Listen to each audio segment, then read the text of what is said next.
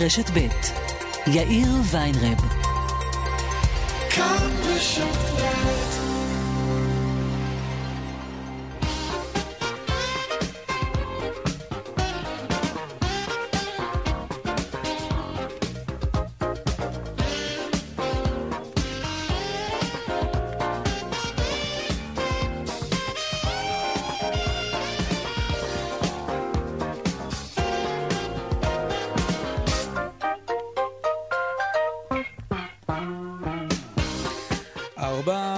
חמש דקות, כאן צבע הכסף ברשת ב', יום ראשון, שעה שנייה, שלום רב לכם. אנחנו ממהרים לאולפן שלנו בכנסת, זאב קם, כתבנו שלום. שלום יאיר, שוב שלום. הדיון לקראת אה, סיום, אני חייב להגיד לך עכשיו, אוקיי. אה, מדברת תמר זנדברג אה, ממרץ, אתה בטח יכול לתאר שהיא נושאת נאום אופוזיציוני. בוא נשמע כמה שניות ואז נסביר מה עוד נשאר לנו. לא רק דה פקטו, אלא גם דה יורה, גם רשמית, למדינת אפרטהייד, בשביל זה יש זמן. Mm. וזה לא נתניהו וסמוטריץ', זה גנץ, וזה מפלגת העבודה. וזה כל האנשים המתונים והממלכתיים עומדים להיות חתומים על הנזק הגדול ביותר בהיסטוריה של מדינת ישראל. כן, צריך להגיד שאחרי אה, תמר זנדברג אה, יש לנו בסך הכל עוד שלושה דוברים. יעקב מרגי, בצלאל סמוטריץ' ומיקי זוהר, מה שאומר שכנראה במשמרת שלך, אה, יאיר ויינרב יתחיל הליך ההשבעה. רק לפני זה יצביעו ויבחרו יושב ראש כנסת את אה, יריב אה, לוין. אנחנו למעשה נמצאים די בישורת האחרונה אה, של האירוע הטקסי הזה, אחרי שתוצבע גם הצבעת האמון של הכנסת בממשלה החדשה, יתחיל מצעד המצעירים, מצעירי האמונים מבין השרים לממשלה החדשה. וצריך להגיד, אנחנו רואים פה דברים שאנחנו צריכים להתרגל עליהם. לדוגמה, כן. נאום אופוזיציה יאיר של נפתלי בנט, של איילת שקד, של לפיד, כן. ש... לא, תראה, יאיר לפיד היה איש אופוזיציה גם קודם. לא, אני אומר באותה נשימה, איילת נכון. שקד, נפתלי בנט, יאיר לפיד, אופוזיציה, זה נשמע קצת מוזר, צריך להתרגל לזה, כן. נכון, אני מסכים איתך לחלוטין, אבל בהחלט לראות את uh, בנט ואחרי זה את שקד תוקפים מחמת זעם את uh, נתניהו, בנט עדיין שר כן. בממשלה. הוא עוד לא סיים באופן פורמלי את אה, תפקידו. עדיין, כן. נכון, לא עוד כמה שעות uh, שנשארו לו, אז הם uh, טוענים שנתניהו מוכר את הערכים, הוא ישחרר מחבלים, הוא יחזור לימי אוסלו, המסתננים יחגגו בתקופתו, אמרה איילת שקד. וגם ראינו את העימות הכמעט קבוע, יאיר, בין ליברמן לבין החרדים. תתחיל להתרגל לאווירה החדשה, החדשה-ישנה אולי, כאן בכנסת, ככה זה יראה מכאן והלאה. אז הנה אנחנו מתחילים להתרגל. זאב קם, כתבנו בכנסת, תודה רבה. תודה. כן, כאן צבע הכסף, מעכשיו ועד חמש, רונן פולק העורך, לי לאופר עם מפיקת צבע הכסף, טכנאי השידור קובי ראובני, הצוות בבאר שבע, אורית שולץ ושמעון דוקרקר. הדואל שלנו כסף כרוכית כאן.org.il, אפשר ליצור קשר גם בדף הפייסבוק שלנו כאן ב'. אני יאיר ויינרב, מיד ממשיכים.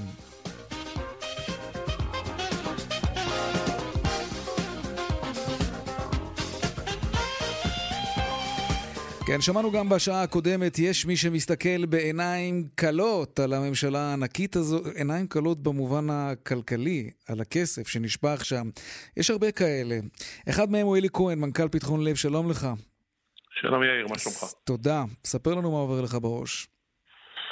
תראה, אני מקשיב לשידור שלכם, אני עוקב ורואה, ואני אומר, כולם שמים לב ואומרים, אוקיי, 34 שרים, 36 עוד מעט, אוקיי. בסדר, אם זה מה שצריך, אז אולי זה מה שצריך. אבל אותי אוחזת פליאה אדירה, שאני לא מצליח להסביר אותה, איך בתוך כל הדבר האדיר הזה של 34 שרים, לא נמצא שר אחד שירצה לעסוק בסוגיה של עניי ישראל, או באיך הופכים אותם ללא עניים. וזאת בתקופה שכולנו מבינים לאן אנחנו הולכים בחודשים, שלא לומר בשנים הקרובות, מבחינת uh, מצבם של מפוטרים כל כך רבים, שהולכים mm-hmm. לפגוש את קו העוני מהצד הלא נכון שלו. אבל למה לא רוצים? יש שר אוצר, יש שר כלכלה, יש שר עבודה ורווחה, יש אפילו uh, שר לקידום וחיזוק קהילתי, שגם את זה אפשר לקשור למצב החברתי-כלכלי שנוצר פה בעקבות משבר קורונה. תראה, יש לי חבר טוב שרצה עכשיו uh, לקבל הלוואה לטובת חנות מכולת שלו. כן. והוא ניגש לבנק ואמרו לו, תשמע ידידי, אתה רוצה הלוואה, זה בסדר, אבל בוא תכין לנו תוכנית עסקית, מה אתה מתכוון לעשות, מה היעדים שלך, לאן אתה הולך, mm. ובשמחה, אני מדבר על הלוואה פעוטה, אני רואה לאן אתה חותר, כן. שקלים. זה בסדר שיש שר אוצר, אנחנו לא מחפשים עוד מישהו שיאחוז בעוד תיק שכן צריך או לא צריך, אבל יתכבדו, יתכבדו ראשי העם ויגידו מה התוכנית, אנה אנו באים, מה מתוכנן לעשות, כמה עניים רוצים שיהיו, כמה לא רוצים שיהיו, מה רוצים לתת, מה לא רוצים לתת, מה אפשר לתת, זה גם בסדר. אבל אלי, לכל ממשלה יש מאה ימי חסד. בוא ניתן להם. תראה, אני מניח שגם אתה מבין ש... אני חושב שיש פה פגיעה, כן, פגיעה לא, שהיא פגיעה כן. עקרונית. אני מבין שאלתך לגבי ימי חסד, ואתה צודק, צריך לתת מימי חסד, אני גם לא שופט במאום את הממשלה. לא רק זה, הרי דיברנו, דיברנו לא אחת, ב, דיברנו לא פעם אחת בחצי שנה האחרונה, ודיברנו נכון. על זה נכון. שממשלת המעבר הזו וה, והכאוס הפוליטי הזה פגע המון בגופים כמו הגוף שאתה מנהל אותו, ועכשיו...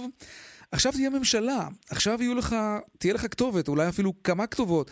כלומר, זה, זה דווקא יכול אולי כן לסייע, למרות שזה נורא מורכב, ושיש תתי תיקים, ויותר מדי שרים. אתה יודע מה, אולי במקרה הזה כל המרבה הוא, הוא כן משובח. אני מסכים באלף אחוז, ואני גם אולי אפתיע ואהיה נגד זרם קצת, ואני אומר, טוב לנו ממשלה כרגע. גם אם המחיר הוא כזה, אפילו אם המחיר הכלכלי האדיר שלה הוא כזה. Mm-hmm. אני אומר שהסוגיה היא עוד הרבה יותר, כן. לעומת בחירות רביעיות, כן. ודאי. אבל אני אומר, הצורב כל כך הוא, שגם כאשר מרחיבים כל כך את כמות השרים, שגם משקיעים כל כך הרבה משאבים כספיים בפעולות שונות ומשונות, לא מוצאים, אתה יודע, אפילו לא את הכסף, את הרצון שיעמוד מישהו ויגיד, אני בשם מדינת ישראל, בשם ממשלת ישראל, הולך לטפל כדי לעשות שינוי בעתידם של כל כך הרבה עניים בארץ הזו. הרי טרום משבר הקורונה אנחנו מדברים על מיליון ושמונה מאות אלף איש שחיים מתחת לק... לקו העוני. Mm. הרי אחרי משבר הקורונה אנחנו מדברים על זה שאנחנו נחצה את רף שני המיליון. זה מספרים מגוחכים. כן, אנחנו כמובן מקווים שזה לא יהיה ככה וההתאוששות תהיה מהירה והצמיחה תחזור לעצמה. אבל כן, חלק מהפרשנים מדברים על כך שזה ייקח הרבה מאוד זמן, והמחיר אנחנו עוד לא ממש מבינים אותו. לצער הלב. זה, זה נכון במאה אחוז, ולכן זה כל כך צורב שגם בעת הזו ממשלת ישראל לא נוטה לבוא ולהגיד צריך לטפל בעניים האלה. אתה יודע, הדיסוננס האדיר בין נבחרי הציבור לבין העם, אתה יודע, אנחנו עוברים עכשיו את תקופת הקורונה, בפתחון לב עברו עשרות אלפי מתנדבים, עשרות אלפי, שבאו ועשו, ועשרות אלפי אנשים שתרמו מכיסם הפרטי בתקופה הכל כך לא פשוטה הזאת. באמת, ובארגונים נוספים, אני בקשר עם כל ראשי הארגונים הגדולים, כולם נהנו מתמיכה ציבורית כל כך רחבה. והפער העצום בין מה כן. שהעם הזה רוצה, עושה, מבקש, לעובדה שלא מצאו לנכון בתוך שלל השרים לענייני כך ולענייני כך, למצוא מישהו שיבוא ויגיד, אני שואף לייצר תוכנית לטיפול בעניי ישראל כדי שהמצב פה ישתנה. עכשיו, אנחנו ערים לנתונים. אנחנו יודעים שזה לא דעה. ישראל מובילה מהצד הלא טוב של המפה. את כל מדדי העוני בעולם המערבי, כולל את מדדי החשיפה לעוני, שכששנים דיברנו על זה וניסינו להסביר מה זה אומר מדד חשפי העוני, החשיפה לעוני ולמה הוא כל כך מסוכן, לא ידעו להסביר את זה. אז הנה באה הקורונה והראתה חודשיים או שלושה של אה, נענוע הספינה, הופכים משפחה ממשפחה יותר מנורמטיבית, ממשפחה שתורמת ומעורבת mm-hmm. ונותנת, כן. למשפחה שצריכה לבקש עזרה. מנכ"ל ארגון פתחון לב, אלי כהן, תודה רבה. על הדברים לך. החשובים האלה. תודה רבה. טוב, אה, נמשיך לעסוק בעניין הממשלה המנופחת, 32 שרים שעתידים להתרבות עד לכדי 36 שרים. שלום סמי פרץ, פרשן בכיר דה מרקר. שלום יאיר. בוא נעבור קצת על ההסברים של חברי הקואליציה. תירוצים, אוקיי? תירוצים אם תרצה, מדוע הם מקימים ממשלה כל כך מנופחת. אז ההסבר הכי פופולרי הוא שמערכת בחירות רביעית יקרה יותר מאשר ממשלה מנופחת, ממשלה ענקית. זה טיעון שאולי מכשיר את הממשלה עם שרים שהמציאו להם תיקים, אבל מבחינה כלכלית, זה נכון? לא, זה ממש לא נכון. לא? זה טיעון מופרך לחלוטין. גם מוכרים לנו שהיציבות הפוליטית של הממשלה היא הסיבה שיש כל כך הרבה אה, שרים. כלומר, אם פתאום יוחלט שאולי, אני יודע מה, אורלי לוי לא חייבת להיות שרה, שהיא תהיה רק חברת כנסת, אז היציבות תיפגע. אם לא יהיה לנו שר לענייני, שרה לענייני התיישבות, לא הייתה עד עכשיו, כן. מאז הקמת המדינה ועד היום, לא הייתה. או מים והשכלה או, גבוהה. גם לא, היה, גם לא היה שר להשכלה גבוהה ומשאבי מים, לא היה. כן. ובכל זאת המדינה שרדה. אז קודם כל זה מסר משפיל מבחינתם של כל אלה שקוששו להם משרדים ריקים מתוכן, כי בעצם אומרים עליהם, הסיבה היחידה שבגינה הם יפילו ממשלה זה שלא נותנים להם משרד ממשלתי. הם לא יפילו בגלל בעיות, אה, ראש ממשלה נאשם בפלילים, אה, עניינים אידיאולוגיים, עניינים ערכיים, רק בגלל שאתה לא נותן להם להיות שר, זו הסיבה שהם יפילו ממשלה. אז זה דבר ראשון, זה דבר מעליב. Okay. אוקיי. הדבר השני שאתה כן. שומע, זה... שזה זול יותר. זה... שמה? שזה זול יותר, ממשלה כזאת, מאשר ללכת למערכת בחירות שעולה מיליארדים. בדיוק. בדיוק, שמערכת בחירות עולה שני מיליארד שקלים, כן. וכמה, תוספת של כמה משרדים עולה, כמה עשרות או כמה מאות כן, זה מה שאמר מיקי זוהר, יושב ראש הקואליציה, זה, לא זה נכון. עשרות מיליונים, לא? זה לא נכון. קודם כל זה עולה מאות מיליונים ולא עשרות מיליונים, אבל זה לא העלות האמיתית. העלות האמיתית היא שיש אה, השלכות של, של יותר בירוקרטיה, יותר רגולציה, כל מיני מלחמות יהודים שמתנהלות mm-hmm. בין משרדי ממשלה. חתימות של שרים, עיכובים. וכל זה בא על חשבון האיכות ויעילות השירות הציבורי שלנו. הם יריבו, ובסוף מה יקרה? הם יאשימו את הפקידים שלהם, כן? כן. אז כל האסטרטגיה הזאת לא, לא תורמת. אבל תשמע, אני רוצה לדבר איתך על עוד איזה עניין. כן. יש, בנוסף לזה שיש 32 עד 34, עד 36 שרים, יש גם חילופים כעבור שנה וחצי. בגלל הרוטציה, ביבי mm-hmm. וגם, כן. בסדר. אבל תיקח למשל את שרת התחבורה הבאה, את מירי רגב. כן. היא יודעת שהיא נכנסת לשנה וחצי, ולאחר מכן היא תהיה שרת החוץ. כן. מאחר והיא נכנסת לשנה וחצי, הדבר הראשון שהיא עושה, עוד לפני שהיא נכנסת לתפקיד, היא מדיחה את המנכ"לית שלה, שהיא mm. בחופשת לידה, אבל זה... כן, טרנר, כן. היא ממנה מנכ"ל חדש מטעמה, והיא גם אה, מסבירה שבעצם היא מינתה אותו כי זה דבר ידוע שכל שר שמגיע למשרד חדש ממנה מנכ"ל שהוא איש אמונו. כן, משרת אמון. אבל אז מה יקרה בעוד שנה אוקיי, וחצי? מה יקרה בעוד שנה וחצי? יבוא מישהו אחר במקומה, ואז הוא יביא את המנכ"ל שלו. ותחבורה, שנינו יודעים, זה תחום נורא ארוך טווח, אתה צריך לקבל פה הרבה מאוד החלטות, זה נושאת מטוסים, אי אפשר לשבור ימינה ושמאלה מתי שאתה רוצה. בדיוק, כן. בדיוק. פה עלית על איזה כביש, אז אתה כבר די תקוע איתו, ואתה רוצה לוודא שבאמת תקבלו החלטות נכונות.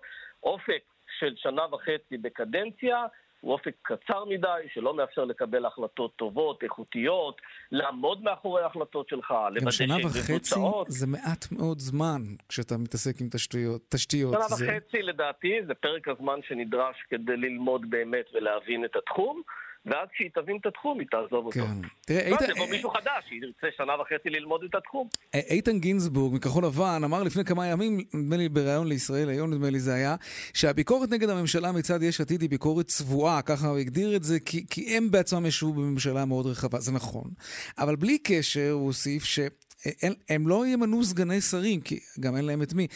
עד כמה העובדה שלא ממנים סגני שר, אה, עד כמה זה חוסך? כמה כסף זה, זה, זה יכול אולי להכשיר את הדבר המפלצתי חסר הזה. חסר משמעות, והאמת שגם... למה? אבל זה ג'ובים, גם... סגן שר בטח מרוויח כמה עשרות אלפי שקלים בחודש.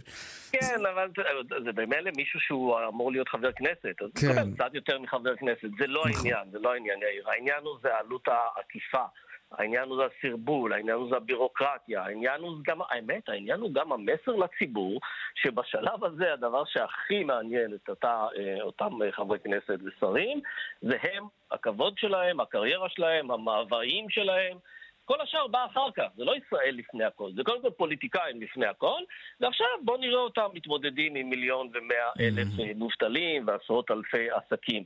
זו נקודת התחלה איומה בעיניי לממשלה חדשה. זה מסר נורא ואיום אה, לציבור. אה, האמת זה מסר די דרוויניסטי, שבעצם אתה בא ואתה אומר מי שיש לו כוח שיחטוף, שייקח לעצמו, שלא יעשה חשבון לאף אחד, שידאג לעצמו קודם. ואני חושב שזה גם יכול להשפיע די מהר על התרבות שלנו כולנו. אולי זה משהו בשיטה הפוליטית שלנו. אולי צריך לשנות, אבל אחת ולתמיד באמת לשנות את השיטה, כך שלא תהיה בכלל אפשרות להקים ולהמציא כל כך הרבה משרדי ממשלה. איך זה בעולם אגב? אגב, עברה לא מזמן, כן. לי כשלפיד נכנס ב-2013, עברה הצעת חוק של להגבלת מספר השרים. ואז דבר ראשון שעשו, זה נכון, ברגע כן. שנוצר צורך, הגדילו חזרה את מספר השרים. זה לא משהו שהוא ברזל, זה לא משהו שאי אפשר לשנות אותו. בהרבה מאוד מקומות בעולם יש חוקה כמובן, ויש מספר מוגבל של שרים, ולא צריך כל כך הרבה שרים. גם תחשוב גם על כל הכפילויות האלה, שיש לך שר... שר, שר לענייני התיישבות, שרה לענייני התיישבות, שר לענייני הפריפריה והנגב והגליל ושר לענייני ירושלים, חילקו את כל הארץ, לדעתי השאירו את אזור השרון בלי שר משל עצמו, זה לא כזה נורא, ואחרי זה שרה לעניינים אסטרטגיים, ושר לענייני מודיעין, ושר לשר אה, הביטחון כמובן, ויש עוד גם שר במשרד הביטחון, כן? כן, ושר במשרד ראש הממשלה, כן. יש גם כן. שר בלי תיק אחד. כן, טוב, שמח ומרובה. מה אני אגיד לך? סמי פרץ, כן. פרשן בכיר דה מרקר. כל המרבה, הרי זה מסובך. כן, או כל המחסיר גורע, לא? בדיוק. כן. תודה. תודה, יאיר. תודה, סמי. טוב, אה, מפעל פיניציה בצפון סוגר היום את שעריו. הם לא אה, שרדו את הירידה החדה בביקושים במהלך משבר קורונה, יש גם את היבוא של מוצרי זכוכית מטורקיה שהכביד מאוד על המפעל הזה. שלום אורלי אלקלעי, כתבתנו. שלום, אולי שר האוצר אה, החדש, אבל הכלכלה. אולי שר האוצר הקודם, או כן. הכלכלה, ו... אכן, נכון. למרות שבעלי המפעל ביקשו אה, סיוע, ביקשו 30 מיליון שקלים, נענו בסירוב, אמרו שזה רק לחודשיים, ולאחר חודשיים אף אחד לא יכל לתת תשובה, אבל התשובה הכואבת כל כך היום לראות את עובדי מפעל פניציה. אחרי 86 שנים, יאיר, כפי שציינת, המפעל הזה הוקם בשנת 1934. מייצרים שם זכוכית שטוחה, המפעל היחיד בארץ שנותר לייצור הזכוכית השטוחה, זהו, אין דרך חזרה, התנור הגדול הענק הזה של המפעל מתחיל אה, לחדול, לא מזינים אותו יותר, נהפוך הוא, מכבים את האש, זה ייקח כמה ימים, אנשים שם עובדים במעלות מטורפות בכדי אה, לכבות את האש וגם החומרים, הכימיקלים שיוצאים משם והגזים אה, שיוצאים משם לא יוסיפו לבריאות שלהם עם מכתב הפיטורים אה, בכיס. אז 300 עובדים ממפעל פניציה, רבים מהם בני 50 ומעלה, הצטרפו למעגל האבטלה. כפי שציינו בעלי המפעל קרן ההשקעות פורטיסימו, החליטה תחרות קשה מדי של היבוא מחוץ לארץ, מטורקיה, מסין, העלויות הרבות, הירידה החדה בהיקף ההזמנות ואיך לא הקורונה מביאים אותם למצב שאנחנו סוגרים. בואו נשמע את אלונה סרויה, עובדת במפעל 14 שנים. יום קשה, יום עצוב, יום מטורף. לא מאמינה, לא מאמינה שלא יהיה פה זכוכית במדינה הזאתי. אבל, ולא האמנו שנגיע לזה, אבל הנה אנחנו פה. יושבים ובוכים. כולנו. כולנו, כולנו. גם אה, חיים קטרי, יושב ראש ועד העובדים עם יד מגובסת, תאונת עבודה מלפני כמה ימים, נפל מהמלגזה. בוא תשמע את מה שהוא אומר. אני לא מצליח לסדר את הראש, לא מצליח, אני אגיד לך את האמת. אין, אין, אין, אין לי תחושה, אני לא יודע איך ל... עוד לא עשיתי מה שנקרא את הסדר בראש, אנשים בגילאים האלה. מה הם יעשו? איפה הם ילכו? מי יקבל אותם? נפלנו על עוד מיליון מובטלים. מי סופר אותנו? אף אחד לא יספור אותנו. מה צריך לקרות, אה, אורלי, כדי שאולי בכל זאת לסובב את הגלגל לאחור? אי אפשר. אי אפשר. אי אפשר, זהו. ברגע שהתנור הזה כבר מגיע לחידלון ולא מזינים אותו והוא לא מייצר את הזכוכית, אין דרך חזרה. כמה עצוב? של... 1934 המפעל הזה הוקם. החל, נכון, במפרץ חיפה, לפני 28 שנים הם עברו לאזור התעשייה ציפורי. יש שם אנשים, שמענו את חיים, הוא דור שלישי בפיניציה. תחשוב. כן. מדהים. קשה. אורלי אלקלעי, כתבתנו. תודה רבה. תודה. דיווחי תנועה עכשיו. כן.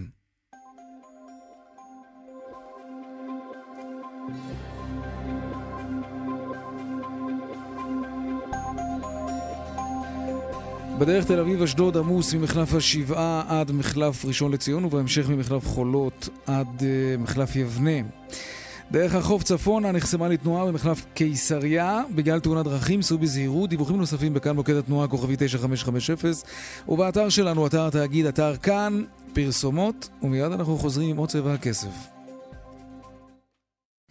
27 דקות אחרי השעה 4, אנחנו עכשיו רוצים לדבר על מה קרה לנשים בשוק העבודה במשבר קורונה.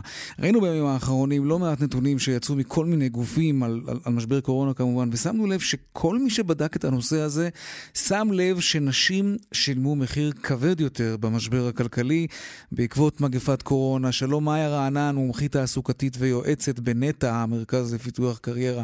שלום לך. שלום גם לך. זה בגלל שנשים בדרך כלל, למרבה הצער, אה, משתכרות פחות מגברים והן פחות בעמדות מפתח, אז גם בגלל זה וגם בגלל זה אה, קל להם, וגם לארגונים שבהם הן עובדות, קל לוותר עליהם. זה העניין.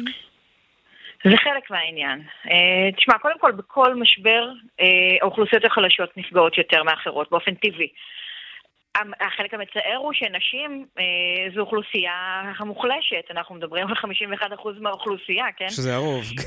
שזה הרוב. ובכל זאת... תראי את הממשלה, רק שש שרות לדעתי, אולי. אולי אני מפספס בשרה אחת או שתיים. אתה נוגע פה ב... לא, אבל זה בלתי נתפס, תקשיבי, 36 אה, שרים צפויים להיות, 32. רק שש שרות, נכון להיום. זה גם אומר משהו. או שזה ענף, ענף הפוליטיקה, גלשנו קצת, אבל לא נורא, נזרום. אבל אולי בפוליטיקה אין מספיק, לא, יש מלא נשים בפוליטיקה, אז למה הן לא מגיעות? יש נשים כן. מוכשרות בפוליטיקה ובתקשורת שהרבה פעמים כן. הרי מתחברים. אין הרבה נשים חזקות בצבא, לצערנו, ובפוליטיקה הישראלית זה מרכיב מאוד מאוד משמעותי. כן. נראית, אתה יודע, כל הגנרלים, וזה נראה כמו מסלול טבעי, וזה, וזה גם ביזיון בפני עצמו. אה, יש בעולם, ה... בשוק האזרחי הרי אה, הכנה טובה מאוד גם לפוליטיקה בסופו של דבר. כן. אבל אי אפשר להתעלם מההסללה של אה, גברים ונשים שמתחילה עוד בילדות. נשים פחות מופנות לעולם הזה, זה עולם קשוח ואכזרי.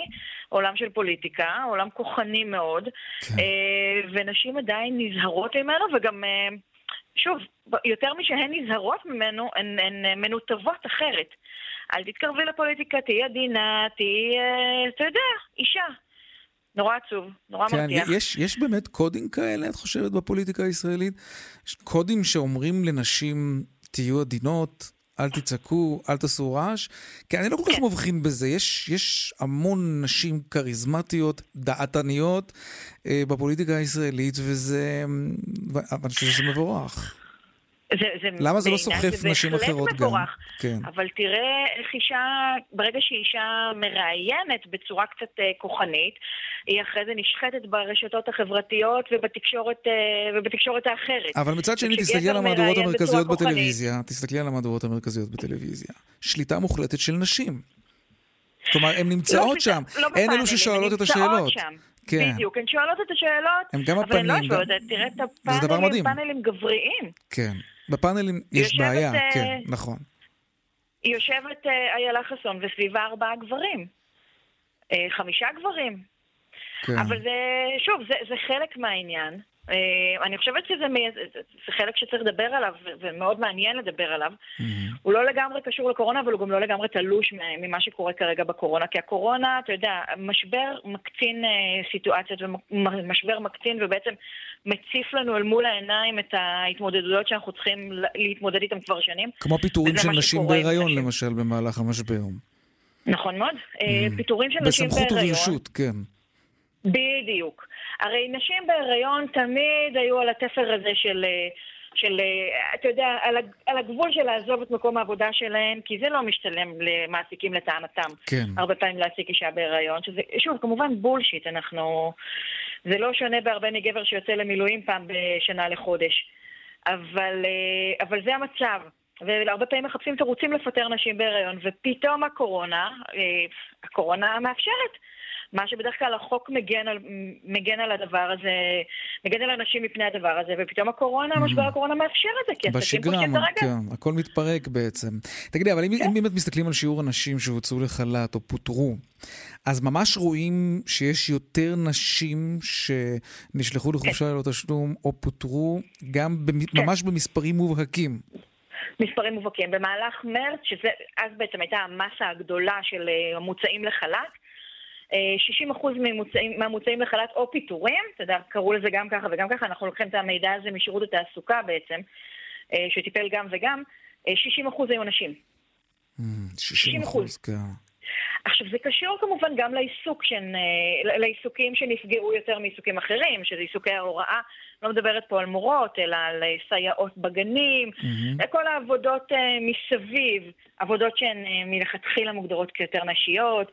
עבודות של אה, תחום השירות, תחום התיירות, יש שם הרבה מאוד נשים, אז זה לא שאנשים נפגעו בגלל שאתה יודע, כשמנהל היה צריך להחליט אם הוא מוציא לחל"ת גבר או אישה, הוא החליט על האישה, אבל... אה, אתם מכירים אבל... גם מקרים כאלה של העדפה אה, של עובדים שהם גברים על פני עובדות שהן נשים? קודם כל, לצערנו, אנחנו מכירים את זה מאז ומעולם, mm-hmm. אבל אנחנו גם מכירים פה מקרה אחר, איזה מעין העדפה של, אה, העדפה משפחתית של נשים להישאר בבית בסופו של דבר, כי הגבר מרוויח יותר מהן, הגבר הגבר במשפחה מרוויח יותר מהן, mm-hmm. וכשמישהו צריך להישאר עם הילדים שיצאו... אה, יצאו הרי לסגר מוקדם יותר משאר העובדים. כן.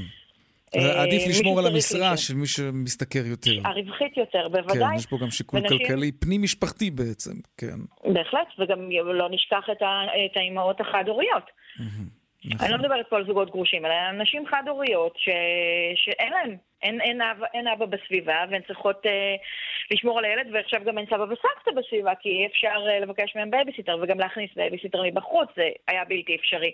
ברור. זאת אומרת, הן אה, ממש הותקפו מכל הכיוונים ו... סיטואציה מאוד קשה להרבה מאוד נשים. יש עדיין הסללה לתפקיד האימהות. אה, נכון.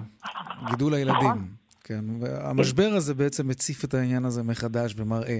אבל, אבל אני חושב שבפרספקטיבה של לא מעט שנים אחורה כן נעשתה כברת דרך. נשים נמצאות במקום אחר לגמרי ממה שהן היו בשנות ה-60, ה-70 וה-80. בהחלט. נשים נמצאות במקום אחר, נעשתה כברת דרך אדירה, אה, יש הרבה יותר נשים בעמדות, אה, בעמדות משפיעות בעולמות, אה, כן. בכלל בשוק העבודה. אבל יש עוד דרך מאוד מאוד מאוד ארוכה לעבור, ואני חושבת שהמשבר הזה רק מזכיר לנו שיש עוד דרך מאוד ארוכה לעבור. כי אם אנחנו הרגשנו שאפשר קצת לנוח על זרי הדפנה, אתה יודע, כן, הדבר קורה, נשים עובדות. קודם כל נשים עובדות, אבל אי אפשר להתעלם מזה שכמה שנשים עובדות, הן גם מחויבות יותר לעבוד בבית. זאת אומרת, זה לא שתפקיד עקרת הבית יתחלף ב...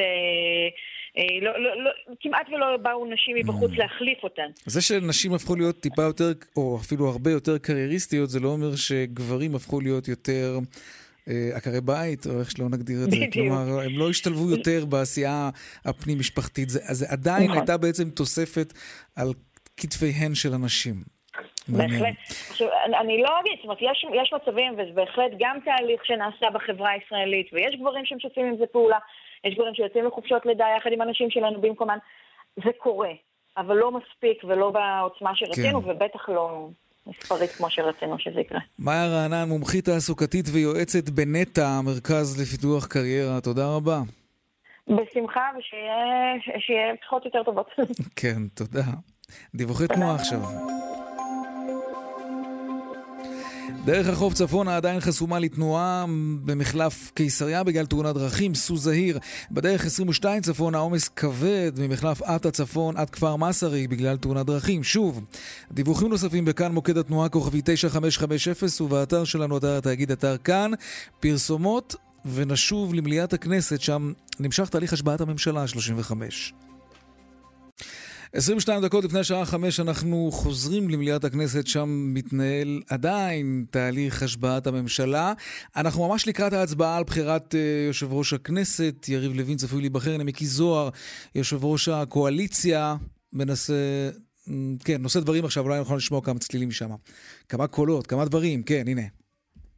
לא. אנחנו לא מצליחים להגיע למליאת הכנסת. זאב קם כתבנו שם, אולי אתה? אנחנו בעיקר דואגים כן, שהקואליציה הנה. תהיה פה. חברי הכנסת, אני מבקש מכם להתחיל לתפוס את מקומותיכם. חברים, לאור הדברים שאמרתי, הדבר הנכון לעשות הוא להצביע בעד הקמת הממשלה, בעד ממשלת הפיוס, בעד ממשלת החירום, בעד ממשלת האחדות, כי בסופו של יום אין שום אלטרנטיבה אחרת יאיר, אתה שומע אותי?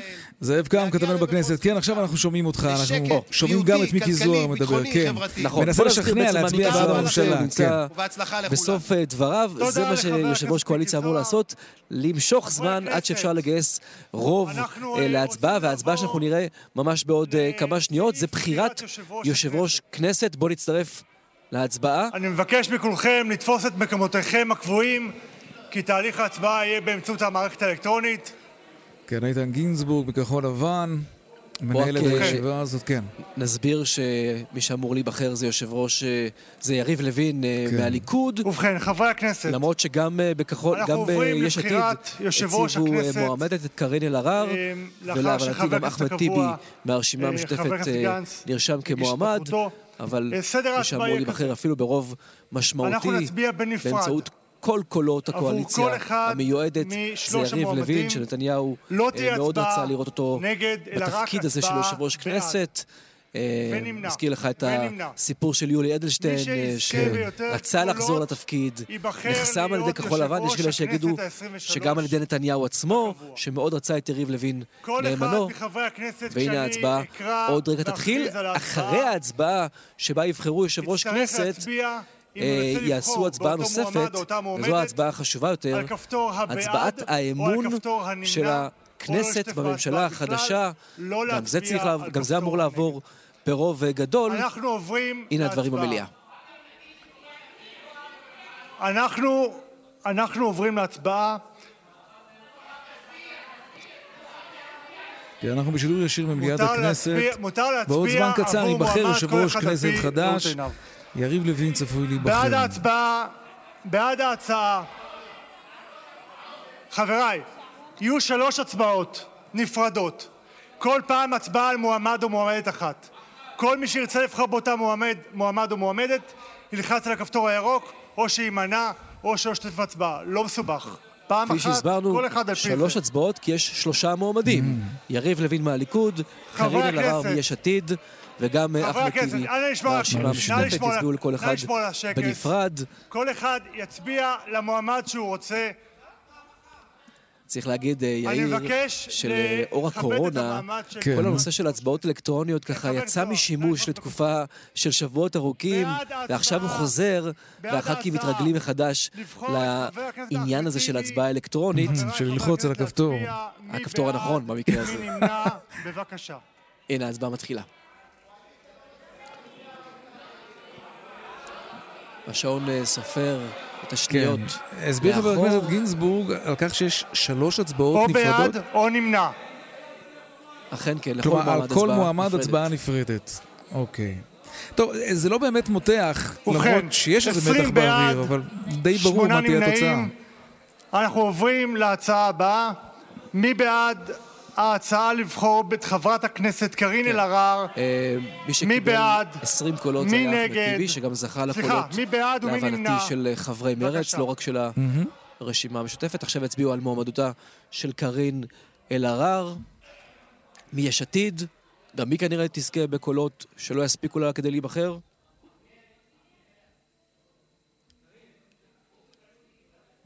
ובכן, 23 בעד, שני נמנעים. נעבור להצעה הבאה. מי בעד ההצעה לבחור את חבר הכנסת יריב לוין? אל תופתע מהתוצאה, מעט תראה שצפויה להיות מעל 70 חברי כנסת כן. שיבחרו ביריב לוין. הנה, זה עכשיו אה, מתחיל ברגע זה. המצלמה... ואז מה שאמור לקרות, שיריב לוין יתפוס את מקומו של איתן גינזבורג ויחליף אותו בניהול הישיבה, ישיבת ההשבעה.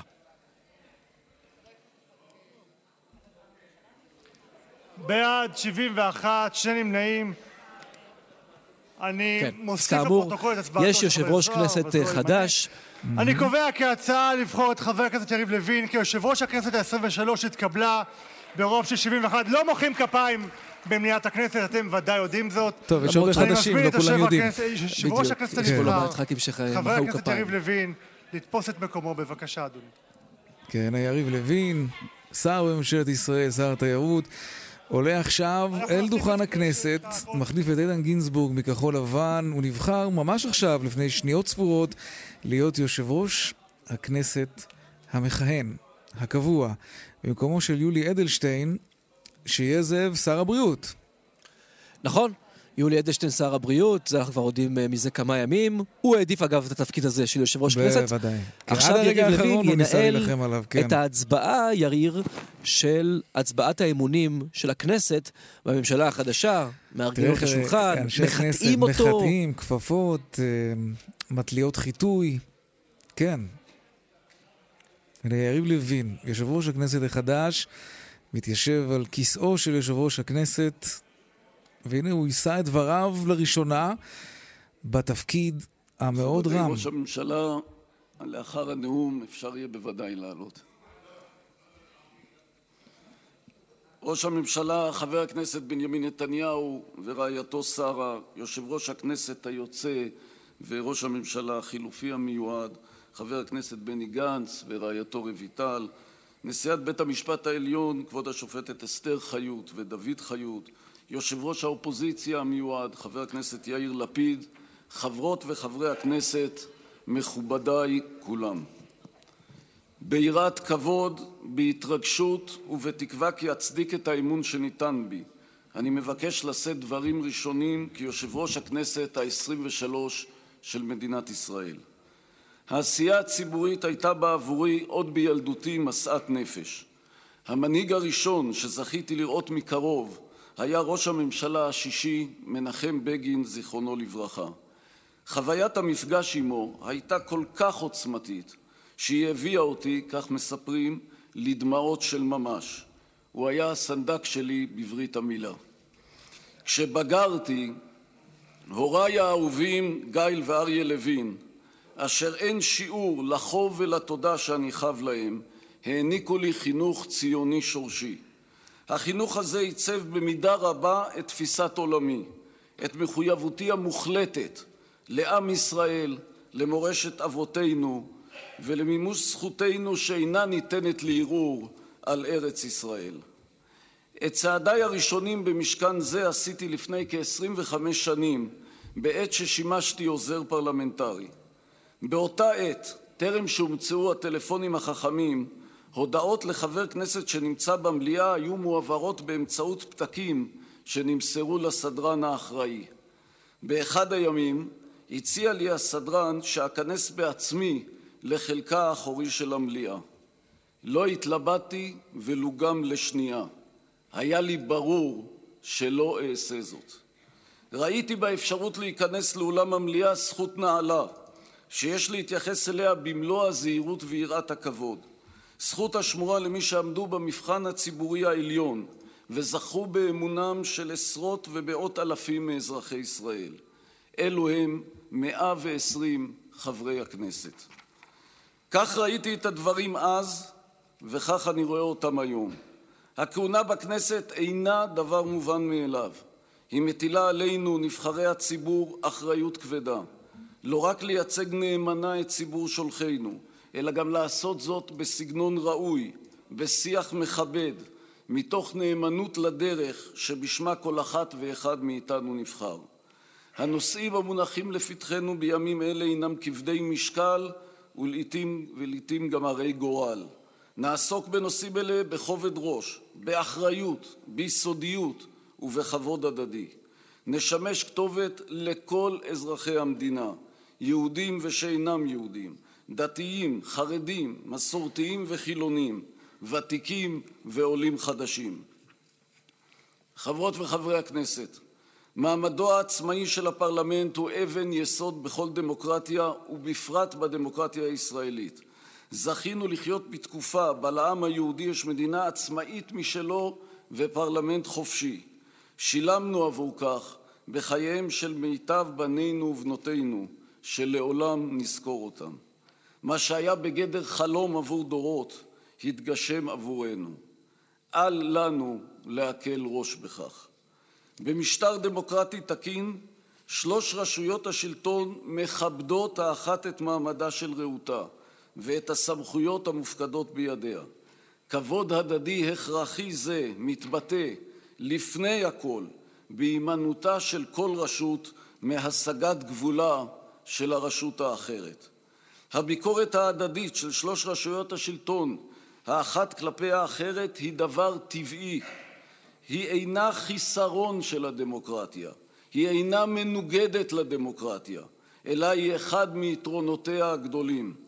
המתח בין הרשויות, ובכלל זה המתח שבין הרשות המחוקקת לבין הרשות השופטת, אף הוא דבר טבעי. דווקא משום מתח זה, עלינו להקפיד הקפדה יתרה על כבודה של הרשות השופטת. אולם ההתערבות הגדלה והולכת של בית המשפט העליון בעבודת הכנסת ובסמכויותיה מחייבת אותנו לעמוד בנחישות על כבוד הכנסת, למנוע את השגת גבולה ולהגן על מעמדה. חברות וחברי הכנסת, אלה אינם ימים קלים. מדינת ישראל מתמודדת, כמו העולם כולו, עם משבר בריאותי וכלכלי אדיר ממדים. מגפת הקורונה גבתה קורבנות, ואני מבקש להשתתף בצערן של משפחות הנפטרים. רבים מאזרחי המדינה איבדו את ביטחונם הכלכלי, את מקור פרנסתם. עלינו להבטיח שהכנסת תהיה בימים אלה מקור תקווה לכל אזרחי ישראל, תקווה לאחדות, תקווה לפיוס לאומי, תקווה ליציאה מהמשבר. מכובדי ראש הממשלה בנימין נתניהו, אני מבקש להודות לך באופן אישי ומעומק הלב על האמון יוצא הדופן שנתת בי לאורך שנים ארוכות ועל החלטתך לבחור בי כמועמדך לתפקיד יושב ראש הכנסת. אני יכול להעיד שהעבודה איתך אינה בהכרח המתכון לשעות שינה מרובות, אבל דווקא משום כך, בזכות התמסרותך לניהול ענייני המדינה סביב השעון, אזרחי ישראל יכולים לישון בהשקט ובבטחה. אדוני ראש הממשלה, אזרחי ישראל מכבדים אותך, ובצדק. אני מבקש להודות ליושב ראש הכנסת לשעבר, חברי חבר הכנסת יואל יולי אדלשטיין, על עשייתו החשובה והמכובדת בתפקיד זה. תודתי נתונה ליושב ראש הכנסת היוצא, חבר הכנסת בני גנץ, על האופן הממלכתי והראוי בו ניהל את הכנסת בימים מורכבים אלה. חברות וחברי הכנסת, ברגע מרגש זה נמצאת איתי כאן אשתי יפעת. אהבתנו ההדדית והתמיכה שקיבלתי ממך לאורך כל השנים הן הכוח שמניע את עשייתי. הדרך בה בחרתי מחייבת גם את ילדינו היקרים, עידן, ניב ועדי, להקרבה גדולה. יקיריי, אני מחבק אתכם היום באהבה ובתודה ענקית. במעמד המיוחד הזה יפעת ואני חשים בעוצמה מייסרת בחסרונו של חמי היקר, חבר הכנסת לשעבר יעקב שמאי, זיכרונו לברכה. יעקב, שכיהן בבית הזה 12 שנה, דאג כל חייו לאדם העובד, לגמלאי ולחלשים שבינינו. יעקב העניק לי כל כך הרבה מחוכמתו ומניסיונו. בלא אלה לא הייתי מגיע לרגע הזה, רגע שהוא עצמו לא זכה להיות שותף לו. חברות וחברי הכנסת, אני מבקש להודות לכם על האמון שניתן בי. אפעל כמיטב יכולתי כדי להצדיק אמון זה. אעשה את המיטב כדי לחזק את האמון של אזרחי ישראל בדמוקרטיה הישראלית, ברשות המחוקקת, בכנסת ישראל. חברות וחברי הכנסת, אנחנו אה, אה. אה, כן, אני... דקה. אנחנו נעבור עכשיו להצבעה על הודעת ראש הממשלה. ההצבעה היא הצבעת אמון בממשלת החילופין, ולפניה, לפי בקשת ראש הממשלה, כן, כן, לפי בקשת ראש הממשלה, אתה מוזמן אה, לדוכן. בבקשה. נתניהו אה, באופן אה, חריג עולה פעם כן. נוספת וחוזר לדבר למרות שהוא כבר התחיל את הדיון הזה בנאום אה, משלו. יהיה מאוד מעניין לשמוע מה יש לו להגיד לפני הצבעת האמון של הכנסת בממשלה שמושבעת זה עתה. בוא נשמע את הדברים, יאיר. אדוני היושב-ראש, ברכות. אני רוצה אה, קודם כל אה, להשתתף, אני בטוח בשם כל חברי הבית, בהוקרה ובתודה ליושב ראש הכנסת היוצא יולי אדלשטיין, תודה לך, יולי. תודה מכל הלב. אני אה, חושב שהתמיכה הרחבה שזכית לה כאן, אה, והיא רחבה מאוד, היא משקפת את ההערכה הגדולה שרוחשים לך גם חברים לדרך, גם שותפים וגם יריבים. ליריב יש הרבה יריבים שתומכים בו. הם תומכים בך לא במובן הזה שהם שותפים בהכרח לדעותיך, אלא משום שהם מעריכים את אה, נאמנותך לעקרונות שאתה מאמין בהם, לחריפות שכלך, לדרך הישרה והגונה, אבל לא התמימה. הגון ולא תמים. חכם ולא רשע. הדרך הזאת שלך, אה, אני חושב שהיא אה, רכשה הרבה מאוד, הרבה מאוד ידידים לך משני צידי המתרס. אני מאחל לך שתמשיך לעשות חיל, היית חלק מאוד חשוב בפעולה שהביאה לממשלת האחדות אה, בין הצוותים של כחול לבן, שלך, בני, ושלנו בליכוד. אני רוצה להודות לך גם על כך. יש לך הרבה מניות ביום הזה, ובכלל, בעם הזה. תודה רבה לך, יריב. בהצלחה גדולה. תודה רבה. תודה רבה, אדוני. זאב קם כתבנו בכנסת, תודה רבה על השידור משם. עד כאן צבע הכסף ליום ראשון, משדר מיוחד לרגל השבעת הממשלה ה-35. יושב ראש הכנסת יריב לוין נבחר לפני זמן קצר, עוד מעט תושבע גם הממשלה. עורך צבע הכסף, רונן פולק, ליהי לאופר, היא מפיקת צבע הכסף, הטכנאי קובי ראובני, הצוות בבאר שבע, אורית שולץ ושמעון דוקרקר, אהוד כהן במוקד התנועה, הדואל שלנו כסף כרוכית כאן.org.il, מיד אחרינו שלי וגואטה. אני יאיר ויינרב, נשתמע שוב מחר. מחר, בארבעה אחר הצהריים. שלום שלום.